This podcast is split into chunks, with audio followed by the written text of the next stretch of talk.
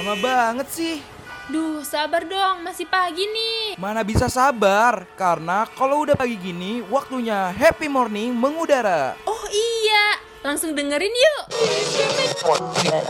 Tersenyum menyambut datangnya pagi ini Dan ku katakan Embun membasahi Pagi bersama Buka kita buka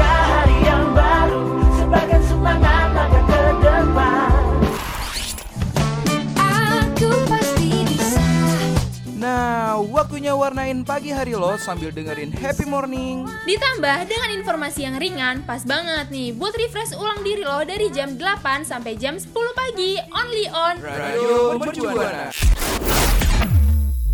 Radio Mercu Buana, Station for Creative Student Halo rekam Buana, ketemu lagi di Happy Morning hari Kamis Yang pastinya bareng gue dong Sinta Dan rekam Buana jangan lupa ya karena Pasti eh, kalau ada Sinta itu ada partner gue Siapa sih?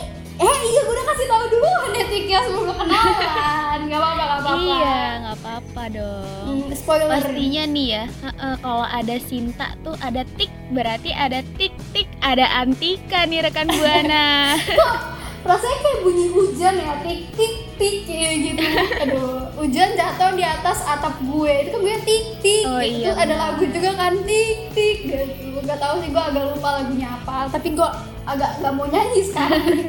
Bener-bener, gue sama Sinta bakal nemenin rekan buana tentunya di program Happy Morning nih. Nah, buat rekan buana semua yang kangen-kangen nih sama Happy Morning, boleh banget diikuti sosial media kita di @radiomercubuana baik di Twitter maupun di Instagram. Dan juga jangan lupa nih buat rekan buana semua berkunjung juga ke website terbaru kita di www.radiomercubuana.com. Dan satu lagi pastinya buat denger-denger suara kita yang seru-seru nih yang cetar-cetar banget boleh banget rekan buana mampir ke Spotify Radio Mercu Buana.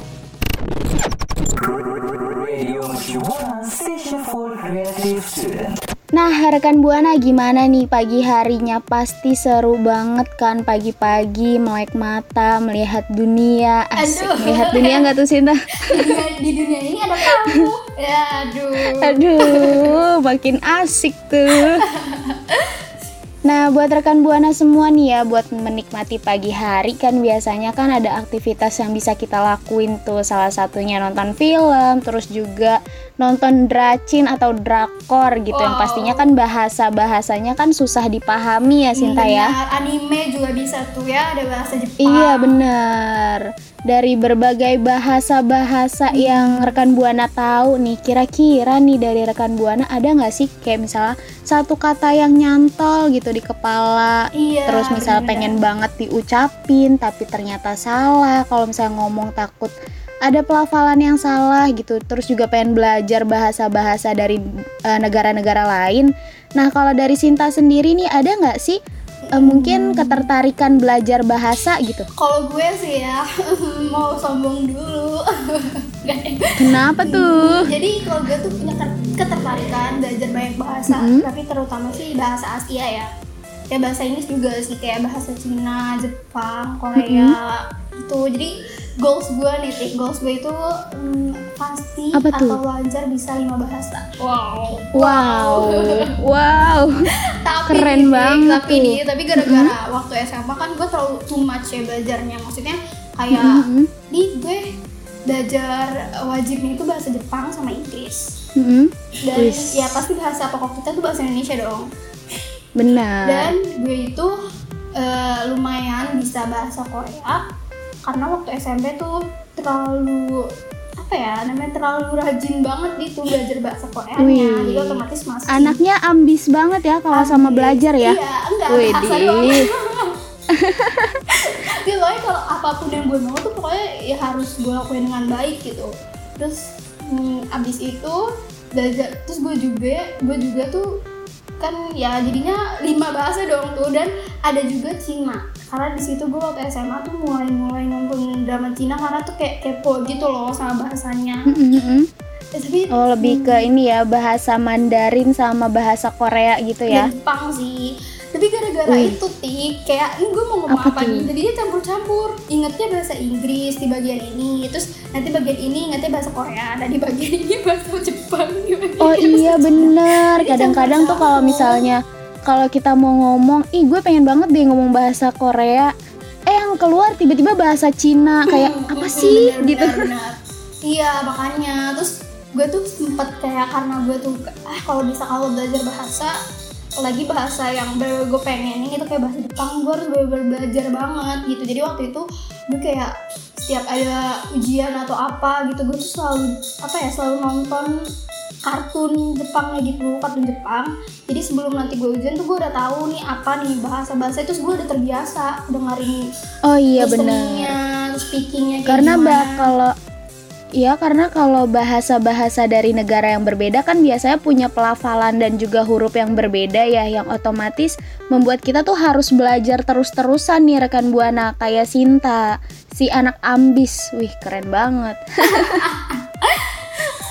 tapi, gara-gara itu juga nih mohon maaf nih mohon maaf sama temen Kenapa gue tuh? yang yang suka sama Jepang banget gitu. Itu tuh gue tuh kayak nilai di kelas gue tuh gue paling wow tinggi. keren banget Keren itu kan, dua temen gue itu. Jadi kayak saking saking kayak "Hmm, gue tuh tahu nih gue tahu bahasa ini. Ah ini so- soalnya tuh guru uh, sensei gue kalau dulu tuh di di SMA tuh gue panggilnya Mm-hmm. sensei sensei gue itu alias kalau di Indonesia itu Mm-hmm. guru guru gue itu tuh kadang tuh suka melenceng sedikit gitu dari apa yang udah kita pelajarin gitu jadi nih nanti disuruh in, in, in- apa kalau misalnya itu kayak lo disuruh ada ngejelasin ngejelasin Oh, kayak presentasi pertanyaan, itu gitu disuruh ya? ngapa-ngapain menjelaskan. Enggak bukan. Kalau soal soal. Oh, oke. soal kan kita disuruh nih misalkan soal ada tulisan misalkan nih harus harus buat apa buat apa kayak gitu. Nah itu tuh dia tuh pakai bahasa Jepang. Hmm, gitu. jadi kadang kan orang bingung ya ini disuruh ngapain sih? Disuruh ngapain sih? Tapi gue tuh kayak udah tahu aja disuruh ngapain. Kayak karena itu. Nah kalau misalkan bahasa tuh ya ya udah kayak kayak gitu. Gue tuh bener-bener poin utamanya yang pertama ya harus sering-sering dengar. Terus dari dengar itu juga kan ada bahasa Indonesia-nya Iya. tuh ter- terjemahannya di subtitlenya nah itu lo harus mm, dengar dari situ dan lo tuh harus tahu artinya tuh apa Oh iya jadi benar. kayak ah Jadi kita Oh. harus belajar juga nih rekan buana karena pengalaman gue tuh eh, sedikit dari pengalaman gue juga nih Yasin. Kita cerita-cerita aja dulu ya sebelum ngasih tahu ke rekan buana semua nih. Karena dulu kan gue kan juga ngambilnya jurusan pariwisata nih yang udah jelas kan ya kalau pariwisata itu lu mau mempelajari banyak bahasa gitu. Tapi kadang-kadang gue tuh suka bingung sendiri. Kalau misalnya gue eh, ngomong sama orang Jepang harusnya gue ngomong apa tapi yang keluar apa? Malah jadinya nggak baik nggak bagus gitu. Malah kesannya kayak mereka nanggepin kita aneh gitu. Jadi buat rekan buana semua nih ya yang mau banget eh, belajar banyak bahasa terus juga mencoba bahasa-bahasa baru itu boleh nih lewat dari dengerin musik terus juga nonton film atau drama yang nantinya tuh bakal nambah gaya bicara kita terus juga pelafalan sama eh, banyak kosakata yang kita tahu jadinya ya Sinta ya. bener-bener apalagi nih waktu dulu gue di SMA Mm-mm. pernah kedatangan sama orang Korea buat promosi salah satu merek minuman terbaru tapi sekarang sih udah pada tahu sih rekam buana itu merek minuman apa Oke. Nah, itu tuh dari Korea merek minumannya dan uh, orang mahasiswa-mahasiswa Korea itu tuh kayak mempromosikannya di sengaja sebagai bentuk promosi gitu di ya, SMA gue gitu. Nah, itu mereka kan orang Korea. Gue bisa sedikit Mhm. dong. Terus ya di situ gue kayak memberanikan diri untuk sekaligus ngomong langsung gitu. Keren banget tuh. Nah, seru banget nih rekan Buana pengalamannya pengalaman Sinta. Semoga nanti ke depannya nih bisa jadi pelajaran terus juga bisa jadi motivasi nih buat rekan Buana semua yang mau belajar banyak bahasa. Nah, kalau misalnya dari rekan Buana semua punya cerita nih kayak misalnya pengalaman eh, menarik tentang bahasa atau mungkin belajar tentang bahasa itu boleh banget nih rekan Buana mention ke Twitter kita di @radiomercubuana dan tentunya jangan lupa untuk pakai hashtagnya apa Sinta? Happy morning. Radio Mercu Buana Station for Creative Student. Tika. Apa? Maksud gue apa kabar? Aduh agak agak ini ya agak melenceng ya. Iya. Apa kabar Tika? Baik, Baik kan? banget dong. Apalagi buat Ya, harus baik ya karena masih pagi. bener, apalagi buat de- eh, nemenin rekan buana semua pastinya harus baik dan semangat. Iya, nah ngemeng-ngemeng nih, Tik, ngemeng-ngemeng. Kan tadi kita udah udah bahas tentang bahasa ya, bahasa-bahasa yang pengen kita pelajarin tuh. Nah, ini ada loh bahasa nih rekam buana. Jadi bahasa asing yang yang bisa dibilang tuh sulit untuk dipelajari. Aduh, kenapa tuh sulitnya? Atau misalnya bahasa mana sih yang sulit tuh gue kepo banget nih. Ya bahasa di negara mana aja ya. Ya udah langsung aja nggak sih kasih tahu? Boleh tuh bahasa mana sih kira-kira yang sulit tuh menurut eh, Sinta dan gue dan mungkin dari rekan buana Buana juga, bisa juga. bilang kalau Hmm. bahasa ini tuh sulit. Nih ya, langsung nih. Jadi yang pertama nih rekam buana ada bahasa Mandarin. Nah, buat rekam buana yang udah tadi dengar ya siaran kita sebelumnya kan sempet nih mention sedikit bahasa Mandarin. Ya benar. Yang ini gak sih Sinta kalau misal gue denger bahasa Mandarin tuh ya identiknya sama yang pelafalannya tuh cepet. Hmm, bisa jadi bisa jadi. Tapi ya Tika, bahasa Mandarin itu bisa dibilang cepat dan ya itu tuh pelafalannya itu sulit banget. Makanya bahasa Mandarin itu tuh bahasa yang bisa di eh, bahasa salah satu bahasa tersulit untuk dipelajari dan digunakan. Nah, mulai nih ya Tika, mulai dari penulisan alfabet hingga yang tadi udah gue pernah bilang juga pelafalannya itu semuanya tuh sulit untuk dilakukan. Oh gitu ya. Nah gue juga pernah denger nih Sinta. Gue nggak tahu ya ini tuh eh, apa menurut gue doang susah atau mungkin kebanyakan orang juga bilang eh, eh, ini tuh susah gitu. Karena kalau misalnya gue ngelihat orang-orang yang belajar bahasa Mandarin itu tuh biasanya tuh ada eh, naik turun terus juga banyak idiom yang berbeda-beda gitu nggak sih? Benar, kalau kita kan biasanya kalau bahasa Inggris, bahasa Korea, bahasa Jepang, bahasa Indonesia. Hmm, bentar dulu, menelan dulu. ludah, ludah. Itu kan biasanya kita bisa ngomong datar aja ya. Nah, kalau di kalau di bahasa Mandarin ini nih, dia tuh harus ada apa ya nada yang naik turun karena setiap bahasa Mandarin itu tuh bisa dibilang bis, eh, kalau pengucapannya beda atau pelafalannya beda ya udah artinya juga beda Oh gitu ya. Jadi kayak bahasa Arab ya tonnya tuh harus beda gitu kayak misal ada naik, terus ada turun, ada datar, ada yang mungkin satu kata tapi ada tiga nada gitu.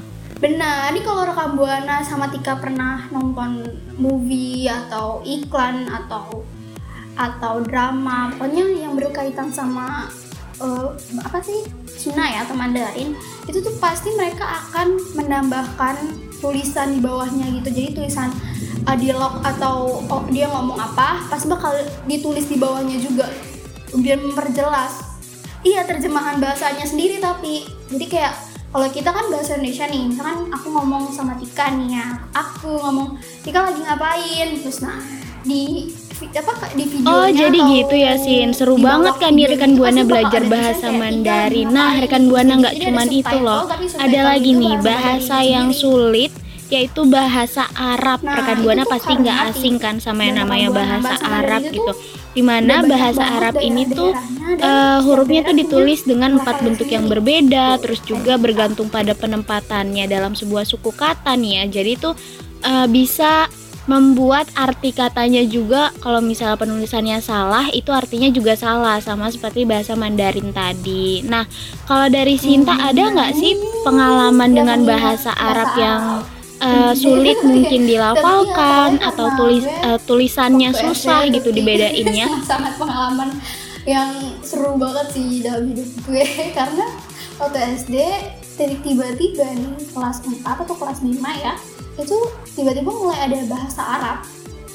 Udah mulai belajar tiba-tiba mulai belajar bahasa Arab. Ada guru bahasa Arab. Dan waktu gue belajar itu sangat sulit. Apalagi waktu ujian Arab itu Arab gundul. Jadi ini ini jangan dicontoh ya Rambo ini karena jadi setiap ujian gue akan menyontek teman gue itu karena karena tuh gue beneran gak bisa banget Arab gundul satu kayak benar-benar kayak hmm, sampai sekarang juga masih nggak terlalu bisa Aduh, nggak ya. boleh dicontoh nih rekan Buana yang kayak gini-gini itu nih. terus juga hmm, terus Aduh, Heeh. iya sih benar. Karena nih ya rekan Buana, kalau misalnya kita baca huruf Arab, eh, huruf Arab pun yang ada harokatnya kadang-kadang kita masih bingung gitu bacanya. Apalagi yang kata kayak pengalaman Sinta tadi nih, nggak ada harokatnya, terus tiba-tiba eh, kita melafalkannya itu Nah, agak nah, sulit, nah. apalagi untuk pemula ya Sinta ya. itu nih Ambuana dan Tika gue bener-bener kayak aduh untung nih cuma belajar gak dari awal gue kelas 1 gitu untung aja kan kayak ah paling berapa berapa lama lagi sih udah selesai gitu paling dua tahun atau setahun lagi udah udah gak ada gue udah gak belajar lagi dan waktu gue udah lulus kayak yes ada perasaan yang pengen seremoni. Iya, emang kalau misalnya iya kalau misalnya ada eh, pelajaran atau mungkin bahasa menurut kita sulit tuh kadang-kadang kita tuh kayak ngerasa aduh kenapa sih harus ada bahasa ini? gitu. Tapi nanti pasti akhirnya kita yang kayak nyesel sendiri gitu loh Sinta. Kayak kenapa sih gue Iya nggak belajar dari awal? gitu. Tapi itu sih yang yang sulitnya itu coba ujian ujian Arabnya Arab gundul kayak ampun deh. Terus disuruh disuruh apa nah, melengkapi kata itu dia bingung. Iya emang sulit nih. Rekan buana harus tahu juga nih karena dialek bahasa Arab itu tuh cenderung berbeda karena tata bahasanya juga yang dipenuhi dengan kata kerja yang tidak berurut beraturan nih mohon maaf. Terus juga cara membacanya tuh dari kanan ke kiri sama kayak kita kalau baca Al-Qur'an ya Sinta Iya ya. benar. Ya meskipun kita sering bahasa apa baca Quran gitu. Terus kadang juga kalau di sekolah tuh suka disuruh apalin ya tik? Misalnya artinya dari surat ini gitu. Dan apa artinya lah soal Arabnya lah gitu. Tapi ya itu agak menurut gue sih agak sedikit berbeda sama bahasa Arabnya. Makanya agak sulit Iya benar. Nah, iya makanya si bahasa Arab ini merupakan sa- salah satu bahasa tersulit nih rekan buana. Nah, ada lagi nih bahasa-bahasa apa sih Sinta kira-kira yang Ini menjadi sih. bahasa tersulit tuh? yang bahasa yang sulit nih yang terakhir tapi mungkin buat rekam buana jadi tahu banyak hal nah ini adalah bahasa Navajo oh tahu gak sih Navajo iya bener banget nah bahasa Navajo ini tuh berasal dari Amerika Utara dan termasuk ke dalam bahasa tersulit di dunia. Hmm. Bahasa tersulit rekam buana. Karena bahasa ini tuh berpusat pada penggunaan kata kerja. Artinya tuh dia itu di deskripsi mengenai suatu hal akan dijelaskan. Pokoknya deskripsi bahasa ini tuh mengenai suatu hal tapi dijelaskannya itu lewat kata kerja. Duh, bingung nggak tuh kalau misalkan bingung ya namanya juga bahasa sulit Iya bener. Oh iya bener. Kalau bahasa sulit berarti otomatis kita juga pengucapannya bingung ya. Iya susah. Nah ini juga nih Navajo nih rekam buana dan Tika juga itu kian sulit untuk dipelajari karena sebagian besar kata sifat dalam bahasa Inggris itu tidak memiliki terjemahan langsung ke dalam bahasa kita atau ke dalam bahasa ini gitu. Jadi kayak ya sulitnya gimana ya sulitnya tuh kayak gitu jadi harus kita kalau rekam buana pengen belajar bahasa Navajo tuh emang bener harus didalami banget Iya bener banget nih. Kadang-kadang pun kalau misalnya kita ada bahasa Inggris yang nggak kita pahami atau yang levelnya udah tinggi susah diartikan gitu, kita tuh nggak paham sendiri. Apalagi bahasa si Navajo ini yang udah sulit terus dideskripsikan dengan penggunaan kata kerja gitu, pastinya bikin kita tuh kayak bertanya-tanya, aduh ini gimana sih bahasanya? Kok susah banget ya gitu. Bener. Nah, pelafalannya juga sulit nih rekam. Terus karena banyak juga kata yang nggak pernah digunakan dalam bahasa Inggris, ya makanya bahasa ini tuh terbilang bahasa yang sulit di dunia. Gitu. Nah, itu tadi ya Tika ya, ketiga bahasa yang sulit. Tapi mungkin rekam buana nih punya nih bahasa-bahasa lain yang menurut rekam buana sulit. Bisa banget di mention ke Twitter kita di di Radio Mercu Buana dengan hashtagnya Happy Morning. Radio Mercu Buana, Station for Creative Student. Wah, gimana nih rekan Buana? Tadi kan kita udah bahas-bahas tentang bahasa tersulit nih. Ada tiga bahasa tuh rekan Buana. Yang pastinya eh, bisa buat jadi motivasi rekan Buana juga nih kalau misalnya nanti mau belajar atau mau mengembangkan pelafalannya. Nah, nggak cuman itu loh rekan Buana. Karena gue sama Sinta tuh bakalan ngeinformasiin ke rekan Buana semua atau memberitahu rekan Buana semua tentang bahasa-bahasa yang unik nih. Rekan Buana tahu nggak sih kalau ternyata ada bahasa-bahasa yang unik. Nah, kalau dari Sinta sendiri tahu nggak sih apa aja bahasa unik yang ada di dunia itu? Yang pertama nih Tika ya, gue tuh tahu ada bahasa namanya Kalkatongo Mystic atau Mistake. Agak sulit nih karena maksudnya ini agak bingung juga ya pelafalannya benar atau enggak karena ini karena ya kita pelafalan bahasa Indonesia aja ya gitu ya Iya, karena kita juga jarang menggunakannya nih rekan Hmm, Buana. Nah, nah, bahasa ini juga nih rekan buana digunakan oleh sekitar 6.000 penduduk Oaxaca di Meksiko. Jadi kayak bahasa termasuk kayak bahasa daerah gitu nggak sih? Kan soalnya nggak semua penduduk Meksiko tuh pakai, tapi hanya 6.000 dari penduduk Oaxaca. Oh iya benar-benar. Berarti nggak nggak secara keseluruhan ya? Iya bener banget. Nah dilansir dari Ranker nih rekam buana bahasa ini adalah bahasa paling aneh menurut Tyler Skonoebelen. Ka- Dan dan ini juga bahasa ini juga dinilai itu tak memenuhi kaidah tata bahasa umum layaknya bahasa-bahasa lain yang ada di dunia. Hmm, unik kan, nggak memenuhi bahasa tata bahasa lain tuh termasuk unik sih menurut gue. Mm-mm, apalagi bahasa ini tuh hampir gak ada pembedanya dari kalimat tanya ya dan tidak. Hmm, bingung gitu. Jadi ini orang nanya apa jawab apa gimana? Oh iya benar, benar tuh. Kayak misalnya contohnya tuh ada kayak gini nih rekan Buana. Bukankah ini aneh? Dan kalimat pertanyaan ini aneh. Jadi tuh kadang-kadang kalau eh, katanya ada sama, kita kadang-kadang beda. Ini tuh menjelaskan atau bertanya atau memberikan pernyataan. Jadi kita pun eh, mungkin dari rekan Buana semua yang jarang banget nih dengerin eh, kata kata seperti ini itu tuh bisa dikatakan sebagai kata yang unik atau bahasa-bahasa yang unik gitu ya Sinta ya.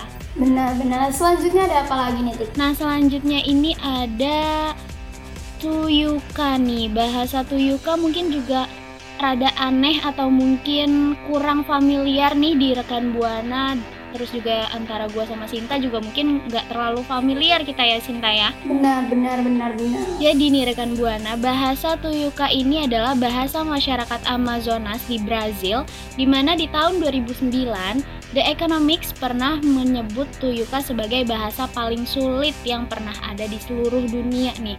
Udah jadi bahasa yang unik, terus bahasa yang sulit pastinya kayak susah dibayangkan ya Sinta karena udah bahasanya sulit, terus juga unik, terus juga beberapa kosakata dan di penjabarannya tuh eh, ke dalam satu kalimat tuh kadang-kadang kalimat yang panjang yang bikin kita tuh eh, rada kayak memahaminya tuh Oh, bingung kayak sendiri gitu. dalam bahasa lainnya tuh bisa kalimat yang panjang banget itu dari rumah kayak Iya. di jalan tol. Aduh, panjang banget tuh kalau itu nggak ber- nggak ada ujungnya. Kalau dia berhenti ya. Aduh. Nah selanjutnya ada apa nih Sinta? Selanjutnya itu rekam buana Nitika juga itu ada bahasa rotokas. Bahasa rotokas ini tuh bahasa yang dipakai atau digunakan sama orang Papua Nugini. Tuh, terus rotokas ini adalah hmm, rotok bahasa rotokas ini adalah bahasa ibu yang digunakan sehari-hari. Nih, gue tekanin lagi rekam buana bukan bahasa ibu-ibu di Papua Nugini ya. Bukan, tapi itu bahasa ibu. Jadi bahasa yang dari lahir tuh udah dipakai gitu sama anak-anak. Jadi bahasa ya kalau kayak kita kan bahasa ibunya bahasa Nah terus juga Indonesia. nih rekan buana harus tahu bahwa rotokas ini bahasa yang sulit dimengerti karena penggunaan beberapa abjadnya saja itu eh, nggak secara keseluruhan yang ada di kamus besar bahasa Indonesia ya Sinta ya kayak misalnya dari A sampai Z itu tuh kalau di bahasa rotokas ini tuh nggak semuanya ada Apa aja sih Tis? Nah, eh, bahasa Rotokas ini tuh abjad-abjadnya terdiri dari A, E, G, I, K, O, P, R, S, T, U, V. Jadi cuman itu aja rekan Hmm, berarti buana. banyak bahasa-bahasa yang hilang kan, kayak gitu. Iya, banyak huruf atau abjad yang hilang ya. Iya, makanya ab- dan abjad-abjad tersebut nih rekam buana dipakai dalam seluruh diksi yang ada pada rotokas. Wih, Nah, buat rekan buana nih yang mungkin pengen banget belajar bahasa-bahasa unik, bahasa-bahasa sulit juga, terus pengen tahu tentang banyak bahasa, boleh banget nih eh, sharing-sharing. Mungkin kalau misalnya rekan buana tahu mengenai banyak bahasa atau belum tahu tapi pengen tahu, boleh banget sharing-sharing. Siapa tahu ketemu sama teman baru di Twitter kita ya, Sinta ya. Benar banget. Iya pastinya dong. Nah rekan buana boleh banget nih cerita-cerita di Twitter kita di @radiomercubuana dan jangan lupa pakai hashtagnya Happy Morning. Radio Mercu Buana, Station for Creative Student.